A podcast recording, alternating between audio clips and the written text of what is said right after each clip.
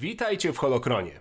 Dzisiaj poznamy postać, która pojawiła się w filmach oraz książkach i komiksach, zawsze wykonując brudną robotę swojego szefa. Jednak jego historia w kanonie różni się nieco od tego, co znamy z legend. Oto Bib Fortuna.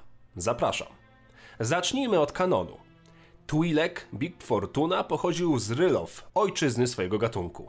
Fortuna urodził się w wybitnym klanie, który miał bliskie związki z przestępczym półświadkiem, chociaż jego bardziej politycznie nastawiony kuzyn, Bizer, nie lubił związków jego rodziny w tym zakresie. W pewnym momencie Fortuna rywalizował z Bildo Kwerwe, by zostać majordomusem pewnego Hatta, niejakiego Jabby. Jako major domu z Jabby piastował to stanowisko przez kolejne lata, m.in. podczas wyścigów Bunta i w Classic, w których wygrał Anakin Skywalker. Około 19 roku przed bitwą o Yavin we wczesnych dniach ery imperialnej Fortuna nawiązał kontakt z Sid, Trandoshianką, która działała na planecie Ort Mantel i zatrudnił ją do odzyskania młodego Rancora, Muchiego z grupy zygeriańskich łowców niewolników. W całej tej akcji pomogła parszywa zgraja. Podczas galaktycznej wojny domowej pomiędzy Imperium a Sojuszem Rebeliantów Twi'lek pozostawał w służbie Jabby aż do momentu tragicznego finału nad Jamą Karkun, w której to jego pan został uduszony przez księżniczkę, a cała barka wysadzona w powietrze. Fortuna jednak przeżył to spotkanie jak się okazało położył łapska na dobytku Jabby, przejmując jego kryminalne imperium. Około 9 roku po bitwie o Jawin, Fortuna przejąwszy kontrolę nad pałacem Jabby i zgromadziwszy swoich własnych sługusów i niewolników, stał się otyłym panem zbrodni. Gdy w pałacu pojawił się Boba Fett, Fortuna zaczął skomleć o tym, jak słyszał plotki o jego przeżyciu. Fett jednak nie zamierzał długo go słuchać i uśmiercił go blasterem, a następnie przejął pałac we władanie.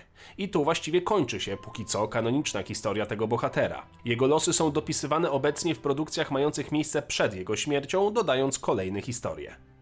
W legendach natomiast Fortunę spotkał nieco inny los. Pomijając fakt, że był o 12 cm niższy niż w kanonicznej wersji, Bib Fortuna został uznany winnym eksportowania przeprawy Ryl, za co został wyrzucony ze społeczeństwa Twi'leków. Następnie próbował wejść do korporacji Kuat Drive Yards, ale jego niewiarygodność sprawiła, że został wydalony z planety i przez pewien czas wykonywał inne prace związane z przemytem przyprawy. Znalazł go Jabba i poprosił go o pomoc w pewnym przemycie. I tak zaczęła się jego kariera. Nie zapomniał jednak o swojej urazie dokonanej przez braci i siostry, także znalazł czas, by dokonać zemsty na swoim klanie. Później zaś zajmował się m.in. sprowadzaniem tancerek do pałacu Jabby. Fortuna zdołał również zdobyć Rancora na urodziny swojego mistrza, który został przetransportowany z Datomiry. Jabba był bardzo zadowolony z prezentu. Zaoferował Fortunie i Bidlo Kwerwerowi dwa rodzaje prezentów. Stanowisko majordomusa lub tajemniczy prezent, który miał być czymś historycznym. W pełni rozumiejąc, co zamierzał Jabba, Fortuna przyjął rolę majordomusa, podczas gdy Kwerwe został pierwszym w historii posiłkiem Rancora. Fortuna następnie najął trenera, zwanego jako Malakili, słynnego opiekuna bestii Circus Horrificus, aby ten zajął się bestią. Podczas wojen klonów Fortuna był świadkiem m.in. walki między Kelvin Reus oraz Asajj Ventress. O tych przygodach dowiecie się z komiksu internetowego The Clone Wars The Valsedian Operation. Pięć lat przed bitwą o Yavin Fortuna zwerbował sześciu pomniejszych sługusów Jabby, w tym Niveka, by zabić strażników Jabby i zmusić go do wyjawienia mu wszystkich swoich sekretów. Cały plan okazał się być niewypałem, ale Fortuna wyłgał się ze swojego udziału w spisku i gdy reszta wywrotowców została skazana na śmierć, on stał się bohaterem swojego pana. Od tego momentu nie planował już więcej zamachów na życie Jabby, choć raczej mocno mu jej życzył. O tych wydarzeniach dowiecie się z komiksu Jabba the Hutt Zdrada. Kolejnych latach Fortuna przyjmował fałszywe tożsamości, by prowadzić interesy w imieniu Jabby oraz likwidował szpiegów, którzy zjawiali się w pałacu. Te wydarzenia pośrednio opisują questy ze Star Wars Galaxies oraz niektóre karcianki. W końcu do pałacu zawitały dwa droidy, R2-D2 oraz jego złoty kompan.